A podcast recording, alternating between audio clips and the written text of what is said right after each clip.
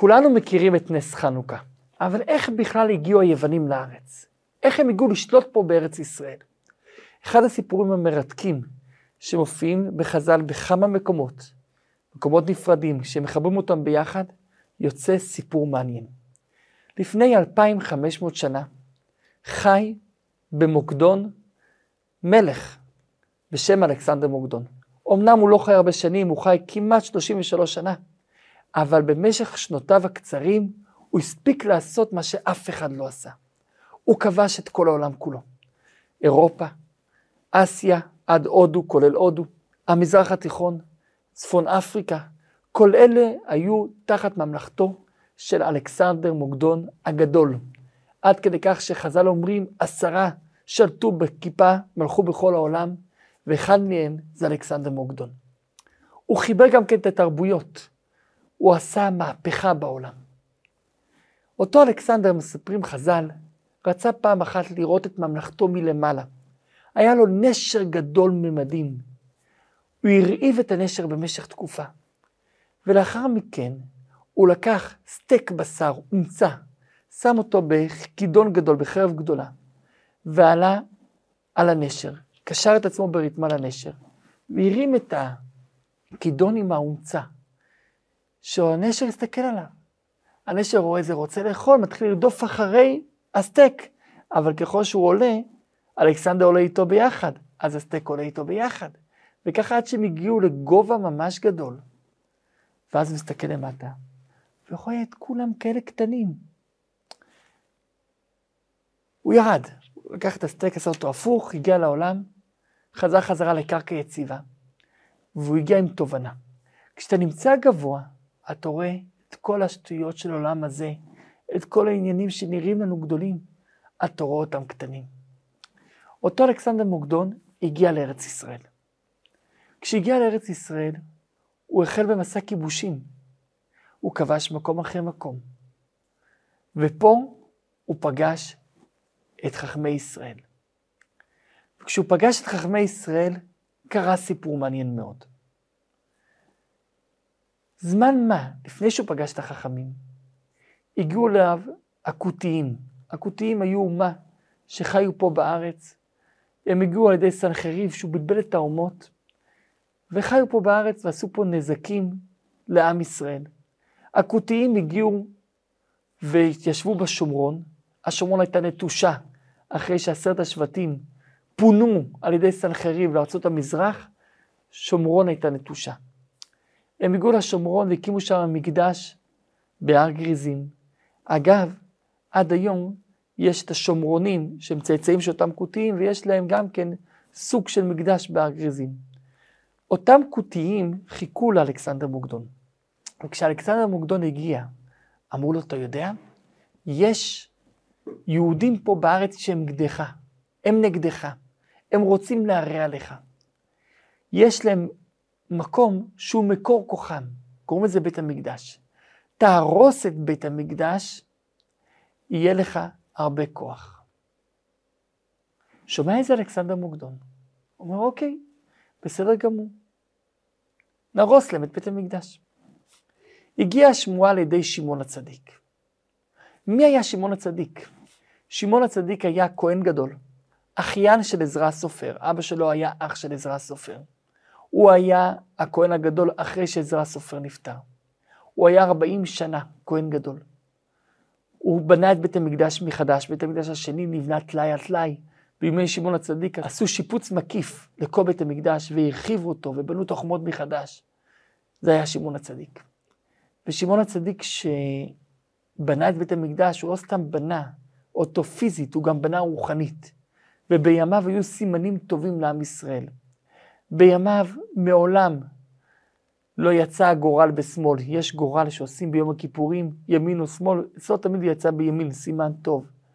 לשון של זהורית הייתה בבית המקדש, שהייתה ביום הכיפורים, נהפכת ללבן כשהיה מצב טוב לעם ישראל.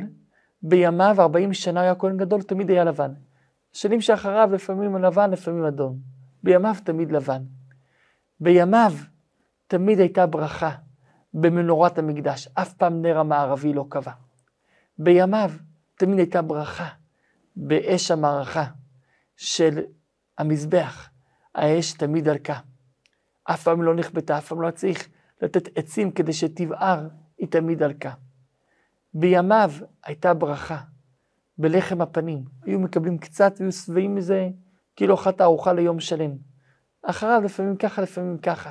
בימיו הייתה ברכה גם כן בקורבן העומר ובשתי הלחם. רק ברכות היו.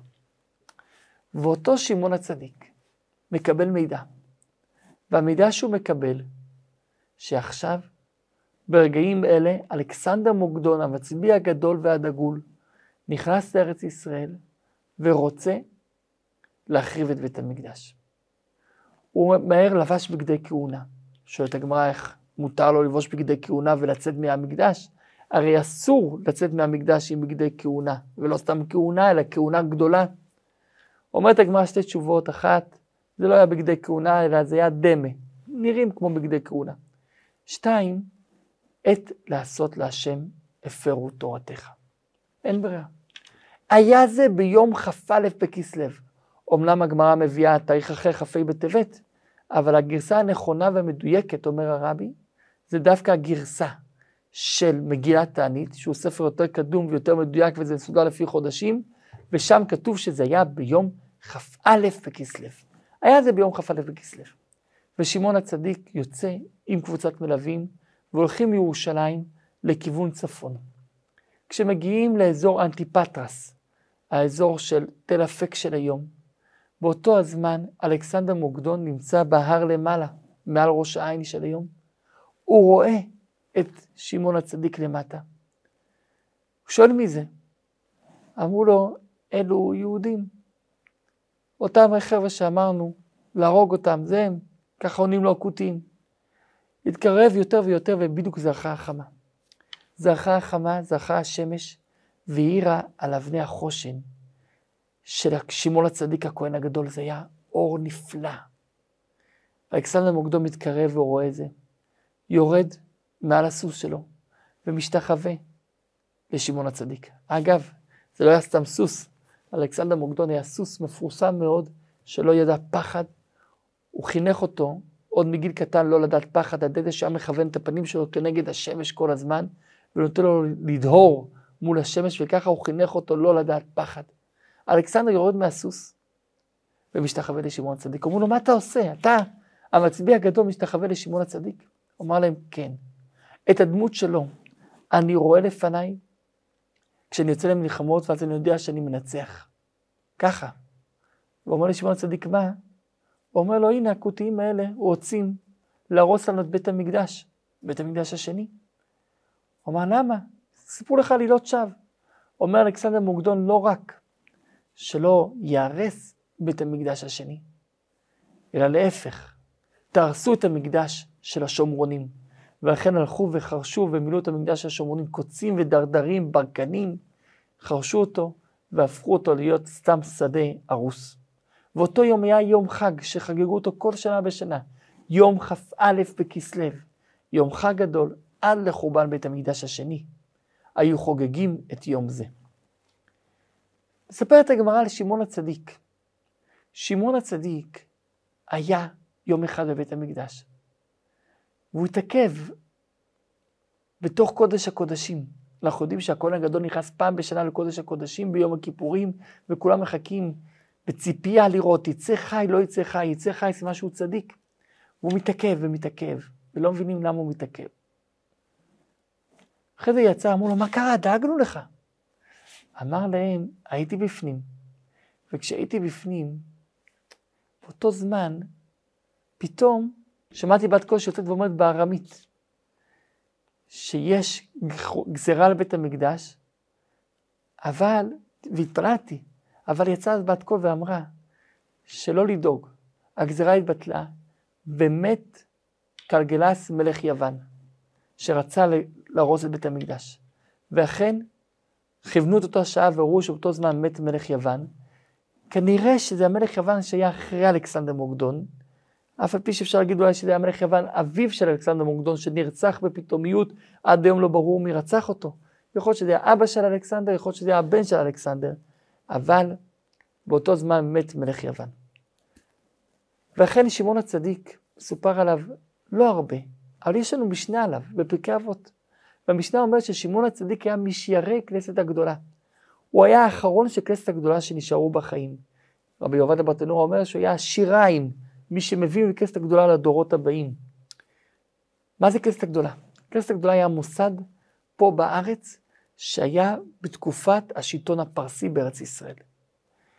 המוסד הזה היה מוסד שקבע את נוסח התפילה, קבע את הברכות, קבע את המצוות דה רבנן, קבע את נס, את נס פורים, קבע הרבה דברים יסודיים, זה היה הכנסת הגדולה. בכנסת הגדולה היו 120 חברים, 85 חכמים והשאר נביאים. אחרי שהנבואה פסקה, בכנסת הגדולה היו עוד נביאים, היה את חגי, היה את זכריה, את עזרא הסופר שנקרא מלאכי. אחרי שהנבואה פסקה, אז נשארו רק החכמים וגם החכמים התמעטו, ואז העמידו את זה על המספר 70. זה היה כבר בתקופה היוונית, ולכן קראו למוסד החדש סנהדרין, שזה מילה ביוונית שמשמעותה אספת עם. זה היה בתקופה של שמעון הצדיק. שמעון הצדיק שהיה אחיין של זרע סופר, הוא היה מהאחרונים שבכסת הגדולה. ואותו שמעון הצדיק אומר במשנה, על שלושה דברים העולם עומד, על התורה, על העבודה, על הגמילות חסדים, עוד מעט נראה איך זה מתקשר מאוד יפה לחיים של שמעון הצדיק. אין לנו הרבה דברים בגמרא עליו, יש לנו כמה דברים בודדים. אחד, הסיפור שסיפרנו עם אלכסנדר מוקדון. שתיים, זה הסיפור שמופיע בגמרא במסכת נדרים, שפעם אחת הגיע אליו איזה נער מאוד יפה, קבוצותיו טלטלים, ואומר לו שקיבל עצמו נזירות וצריך להתגלח. הוא אומר לו, אתה, למה קיבלת על עצמך נזירות, מה קרה? אומר, אותו נער, הלכתי לראות, רועה צאן, את צאן אבי, והגעתי לבאר המים ובאתי להשקות את הצאן של האבא, וראיתי את פניי בבאר, הבאר שקופה, כשיש שמש זה כמו מראה, ואז ראיתי כמה יפה אני, והתעורר בי יצר הרע. אמרתי, אתה יצר הרע? אתה רוצה להטריד אותי מן העולם? אתה רוצה שאני לא אקבל את עולם הבא בגלל יופי של עולם הזה שבסוף נפסד ואין אותו בכלל? אתה רוצה שאני אפסיד את עולם הבא? לך מפה. אמרתי, איך אני לא אפול? אמרתי, מיד נדרתי שאני אהיה נדיר. מיד נדרתי שאני אהיה נזיר. הלכתי באמת לבית המקדש, באתי אליך. אמר שמעון הצדיק, מימיי לא אכלתי קורבן נזיר טמא, אלא אחד, אותו אחד. מיד עמדתי ונשקתי אותו על מצחו. זה היה שמעון הצדיק.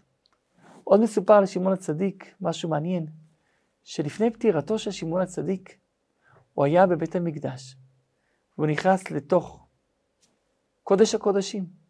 תמיד היה פוגש שם את הקדוש ברוך הוא, נראה לפניו כאילו לבוש לבנים, דמותו לבנים. אותו פעם הוא ראה זקן, שחור, לבוש שחור. הוא יצא והוא הבין שהוא הולך למות. ואכן הוא קרא לבניו, הכין אותם, ומיד אחרי שמחת תורה, הוא מת ונפטר לבית עולמו. לאחר מותו, בניו נאבקו לכהונה. חוניו היה הבן של שמעון הצדיק, רב עם אח שלו על הכהונה, אח שלו הפיל אותו בפח. אמר לו, אתה יודע, כהן גדול צריך ללבוש שמלה, חצאית של אישה. הוא באמת היה תמים ולבש את זה וכולם צחקו עליו, ואז הגיע אח שלו, אמר, הנה, אותו, את חוניו הזה אתם רוצים שיהיה כהן גדול? חוניו באמת סולק מן הכהונה, הוא נפגע, ירד למצרים, לאלכסנדריה, ושם הוא בנה את מקדש חוניו מפורסם, שהיה עד אחרי חורבן בית המקדש השני, שלא היה בית מקדש, אלא היה בית כנסת חצי בית מקדש. וזה סיפור בפני עצמו. אבל זה היה שמעון הצדיק. בואו נחזור חזרה עכשיו לאלכסנדר מוקדון. אז אלכסנדר מוקדון פוגש את שמעון הצדיק, ומגיע לירושלים, ורוצה להיכנס לבית המקדש, אבל לגוי אסור להיכנס לבית המקדש. מותר לו להיכנס רק להר הבית, אבל לא לבית המקדש. ואז הגיע נחש, ועצר אותו מלהיכנס, ואלכסנדר מוקדון הבין את המסר ולא נכנס. המשיך אלכסנדר מוקדון לנגב, ופגש שם את חכמי הדרום, חכמי הנגב. עשרה דברים שאל אותם. שאל אותם, תגיד לי, מה נברא קודם, שמיים נבראו תחילה, או ארץ נבראו תחילה? אמרו לו השמיים, בראשית ברא אלוקים את השמיים ואת הארץ. מה נברא קודם, אור או חושך? וככה הם התחילו לשאול אותם שאלות על הבריאה, אבל הם אמרו לו, בהתחלה הם ענו לו, מה יותר רחוק, הארץ מהשמיים, או השמיים משני הצדדים? בהתחלה הם ענו לו, אבל כשהוא שאל אותם לאור והחושך הם עצרו והם לא ענו לו. למה התחיל, הם ידעו את התשובה, כתוב, ויום אלוקים יהי אור, יהי אור, אחרי שלפני זה כתוב בארץ הייתה תוהו ובוהו וחושך בני תהום. אבל הם לא רצו להגיד את זה, כי אז התחיל לשאול אותם שאלות על הבריאה, ואז התחיל לשאול אותם שאלות מה למעלה ומה למטה, ואסור ללמד גוי דברים כאלה, והוא גם חששו, אולי התחיל לשאול אותם שאלות לא במקום, העדיפו לעצור, ולכן הם עצרו. טוב, ואז הוא שאל אותם, מי הוא החכם? הוא היה בטוח, מי החכם? אלכסנדר מוקדון החכם. ענו לו, איזה החכם?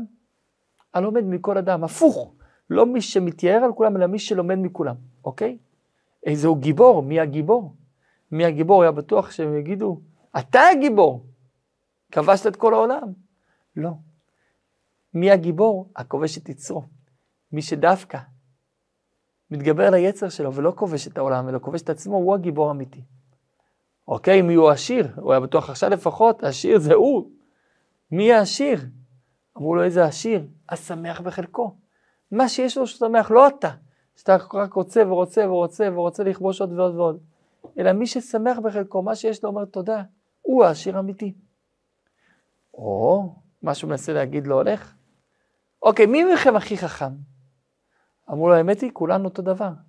והראיה, שמה ששאלת לנו, כולנו ענינו לך אותו דבר. אמר להם, מה יעשה אדם ויחיה? אמרו לו, ימית את עצמו, יהיה בענווה. מה יעשה אדם וימות? יחיה את עצמו, יהיה בגאווה, יופיע בכל מקום. אמר להם, מה יעשה אדם ויהיה אהוב על כולם? אמ, אמרו לו, ישנא את השלטון, וככה כולם יאהבו אותו. הוא אמר להם, לא, אני לא מקבל את זה, אני אומר שיאהב את השלטון ויעשה דברים טובים עם השלטון. אבל כיוון שהם ענו לו ככה כאילו בחוצפה, אמר להם, ככה אתם עונים לי, אני רוצה להרוג אתכם, אז מגיע לכם עונש כזה דבר. אמרו לו, אתה יכול להעניש אותנו, אבל זה לא יצא יפה שמלך שדיבר איתנו והבטיח לנו שהכל בסדר, יעניש אותנו בסוף. ואכן הוא לא העניש אותם. הוא אמר להם, אני רוצה ללכת למדינת אפריקה, אבל לפני זה אני רוצה לתת לכם מתנה. נתן לכל אחד רבית זהב וצווארו, נתן להם גלימה יפה, ואמר להם, עכשיו תגידו לי, איך אני מגיע למדינת אפריקה בלי להתבלבל? אמרו לו, אתה לא תוכל, יש שם ערים גבוהים מאוד, ערי חושך, ערים שכאילו מחשיכים. אתה תגיע שם, אתה לא תמצא את הדרך חזרה. אמר להם, לא, תקשיבו, אני אגיע לשם בכל מקרה. אני שאלתי אתכם, לא אם להגיע, אלא איך אני מגיע. אה, אוקיי, אתה רוצה להגיע בכל מקרה? פשוט מאוד. קח חמורים לובים, שהם חמורים חזקים, שיכולים גם לקחת מסעות גדולים, ובעיקר יכולים לראות בלילה. וכשתגיע להרי החושך, תתן חבל ענק, תקשור את זה בקצה החמור, ותקשור את הקצה השני בהתחלה של המסלול של הרי החושך, ותלך, וככה החמור בעצם ייקח את החבל. כשאתה יוצא בצד השני של ההרים, תקשור את החבל שהיה קשור לחמור, וככה בחזור אתה יכול ללכת בחבל. רעיון מצוין. עשה ככה, הגיע לאפריקה. הגיע לאפריקה, הגיע שם, ראה שמה עיר שכולה נשים. הוא כבש באמת כמה ערים, וכשהוא הגיע לעיר שכולה נשים, הוא בא לעשות את המלחמה, אמרו לו, תקשיב, אלכסנדר, תעשה איתנו מלחמה, בטוח אנחנו... בכל מקרה אתה תפסיד. למה אם ניצחת אותנו, יגידו, הנה המלך שגיבור הנשים. אם אנחנו נצליח אותך, יגידו, אוי ואבוי, הנה אנשים שניצחו מלך. אמר להם, אוקיי, בוא נעשה שלום. עשו שלום, והוציאו לו שולחן מזהב עם לחם מזהב. אמר להם, מה זה הדבר הזה? פעם היה נהוג שעושים שלום מביאים לאכול לחם, אבל זה לחם מזהב, איך אני אוכל לאכול? אי אפשר לאכול לחם כזה. אמרו לו, אה, הגעת לפה בשביל לחם? עד לפה הגעת ממקדוניה הרחוקה בשביל לאכול לחם? ובעצם פה הם הביאו לו מסר, מה אדם רודף ורודף אחרי עוד ועוד ועוד, אם בסופו של דבר אפשר להסתפק בלחם טוב וזה מרגיע את האדם. יצא וכתב על שערי העיר, אני אלכסנדר מוקדון, הייתי טיפש, עד שהגעתי לעיר של אנשים ולמדתי עצה מן אנשים. הוא יצא משם, הוא עבר בדרך, הגיע לנהר. הנהר הזה לא היה סתם נהר. הוא הגיע והוא שוטף את הדגים מלוכים, שהוא רצה לאכול, פעם היו מולכים דגים וככה הם מחזיקים הרבה זמן, ולפני שאוכלים שוטפים את הדגים מהמלח כדי שיהיו ראויים לאכילה. הוא בא לשטוף את זה במים שמה של הנהר, וכשהוא אוכל את זה, הוא מריח ריח גן עדן. הוא לוקח מהמים ושוטף את הפנים שלו, והוא מרגיש גן עדן. הוא הבין שזה הפתח של גן עדן, שהרי אנחנו יודעים בתורה שמגן עדן יש ארבעה נהרות שיוצאים משם. אחד מהנהרות זה נהר הנילוס שנמצא במצרים. ההתחלה שלו מגיעה מאפריקה. מהאזור של כוש העתיקה. הוא, הגיע, הוא הבין שהוא הגיע לשם, פתח גן עדן. הוא התחיל ללכת בנהר עד שהוא הגיע למערה, לפתח גן עדן עצמה. אמר, פיתחו לי, אני רוצה להיכנס. אמרו לו, מצטערים, אתה לא יכול להיכנס לשם, זה השער להשם, צדיקים יבואו בו. רק צדיקים יכולים להיכנס לפה. אמר, אני אלכסנדר מוקדון, אני מלך. מה לעשות? יהודי צדיק שווה יותר ממך. טוב, לפחות תביאו לי משהו. הוציאו, הביאו לו עין, אוקיי? לקח את העין, שם שם את העין על המשקל, העין מאוד כבדה, מיד המשקל נופל. הוא שם את הכסף והזהב שלו בצד השני, העין נשארת יותר כבדה. הוא שם עוד כסף ועוד זהב ועוד כסף ועוד זהב, והעין נשארת יותר כבדה. הוא לא מבין מה זה, איך יכול להיות? שאל את החכמים, אמרו לו חכמי ישראל, זה עין של בן אדם, שבחיים לא ידע שובע. תמיד רצה עוד ועוד ועוד, ולכן העין הזאת יותר כבדה מכל העולם, כי הכל הוא בולע, הוא רוצה עוד. שוב זה רמז על אלכסנדר מוקדון, שאף פעם לא הסתפק, ורצה לכבוש עוד מדינה ועוד מדינה, ואף פעם לא ידע שובע. אמר להם, אז אם כן, מה אני עושה? ומי אמר שאתם בכלל צודקים? אמרו לו, קח קצת חול, שים על העין. תראה שהעין מיד תהיה חלשה וקטנה, לא תשקול בכלל. אכן כך עשה, ומיד העין קפצה למעלה והמשקל נפל, וכך ראה שהם צודקים. אלכסנדר מוקדון חזר חזרה דרך ארץ ישראל, וכאות הוקרה על זה שהוא לא הרס את בית המקדש והרס את בית המקדש של השומרונים, כאות הוקרה, כל אותו מי שנולד באותה שנה, כל מי שנולד באותה שנה קראו לו בשם אלכסנדר, על שמו. לכן השם אלכסנדר יש עד היום בעם ישראל. הוא גם בנה ערים על שמו. המפורסמת שבהם זה אלכסנדריה שבמצרים, אבל הוא בנה בעוד הרבה מדינות ערים על שמו. ככה הוא כבש את ארץ ישראל כולה. ארץ ישראל הפכה להיות תחת שלטון היוונים. הפרסים, שהיו האויבים הגדולים ביותר של אלכסנדר מוקדון, יצאו מהארץ, אלכסנדר כבש את הארץ מידי הפרסים, והארץ הפכה להיות בשליטה יוונית. לאחר מותו של אלכסנדר מוקדון הוא מת בפתאומיות. עד היום לא ברור, יש אומרים מהרעלה ויש אומרים ממלריה, או מאיזה וירוס קטלני, לא ברור, הוא מת בגיל 60, 32, כמעט 33. לאחר שהוא מת, הממלכה היוונית הגדולה התחלקה לשלושה. יוון שבאירופה, יוון שבאסיה ויוון שבאפריקה. יוון שבאפריקה תלמי, שתלמי בהתחלה גם כן שלט בארץ ישראל, ואותו תלמי הוא מי שעשה את תרגום התורה ליוונית על ידי 70 הזקנים. זה היה מאה שנה לפני נס חנוכה. יוון שבאירופה, בראשות יוון, ויוון של אסיה. ואז יוון שבאסיה שמרכזה היה בסוריה, כובשת את ארץ ישראל, והיא לאט לאט מאחוזת את השליטה, מאה שנה לפני נס חנוכה. אנטיוכוס הראשון, אנטיוכוס השני, אנטיוכוס השלישי ואנטיוכוס הרביעי. אנטיוכוס הרביעי הוא מי שעשה את הגזרות הקשות. להשכיחם תורתך, בזמן שלפני נס חנוכה. הוא מינה כהן גדול מתייוון, את אלקימאס, יקים איש צרורות, שלאחר מכן חזר בתשובה. עשה שינויים גדולים, ועשה את הגזרות לא ללמוד תורת השם, לא לעשות ברית מילה, לא לשמור שבת. והוא בעצם היה גם כן האחרון ששלט מהשושלת היוונית בארץ, מכיוון שאחרי זה הגיעה המלחמה ונס חנוכה הגדול, ויהודה המכבי, יחד עם שער אחיו, בהתחלה עוד עם אביהם מתתיהו, מסלקים את השלטון היווני מהארץ, שהשלטון היווני מהארץ לא היה נגדנו, הוא היה נגד התורה שלנו, וזה יותר גרוע. ולכן הם מסלקים אותו מהארץ, והתורה חוזרת בחזרה, ועד היום אנחנו חוגגים את שמונת ימי חנוכה. לזכר הנס הגדול.